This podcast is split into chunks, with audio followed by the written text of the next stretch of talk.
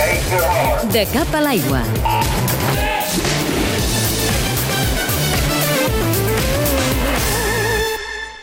L'Ona Carbonell és la nova líder de l'equip espanyol de sincronitzar d'Ester Jaumà, la seleccionadora estatal, veu en l'Ona Carbonell gairebé la perfecció dins l'aigua.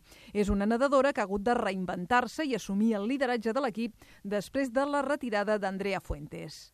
Jo diria que ha crescut, ha crescut amb tots aspectes, dintre l'aigua també perquè doncs, no és el mateix eh, nedar una, una, un solo que un, un duet i la manera d'expressar-se, la manera de, de moure's o de desplaçar-se per l'aigua eh, ha millorat i evolucionat.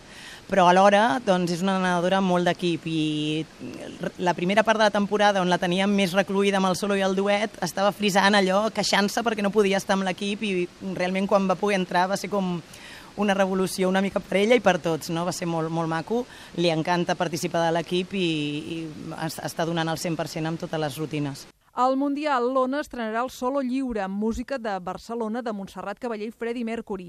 També presentarà un nou exercici en solo tècnic.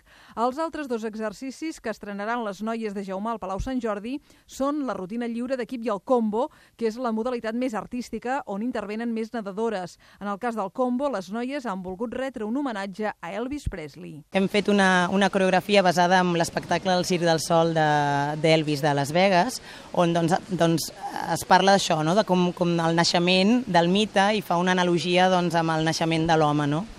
I bueno, doncs és una rutina això, divertida, molt moguda, amb molta marxa. Crec que les noies s'ho passen molt bé nedant-la i crec que agradarà molt. La sincro és la primera de les disciplines que es disputaran al Sant Jordi.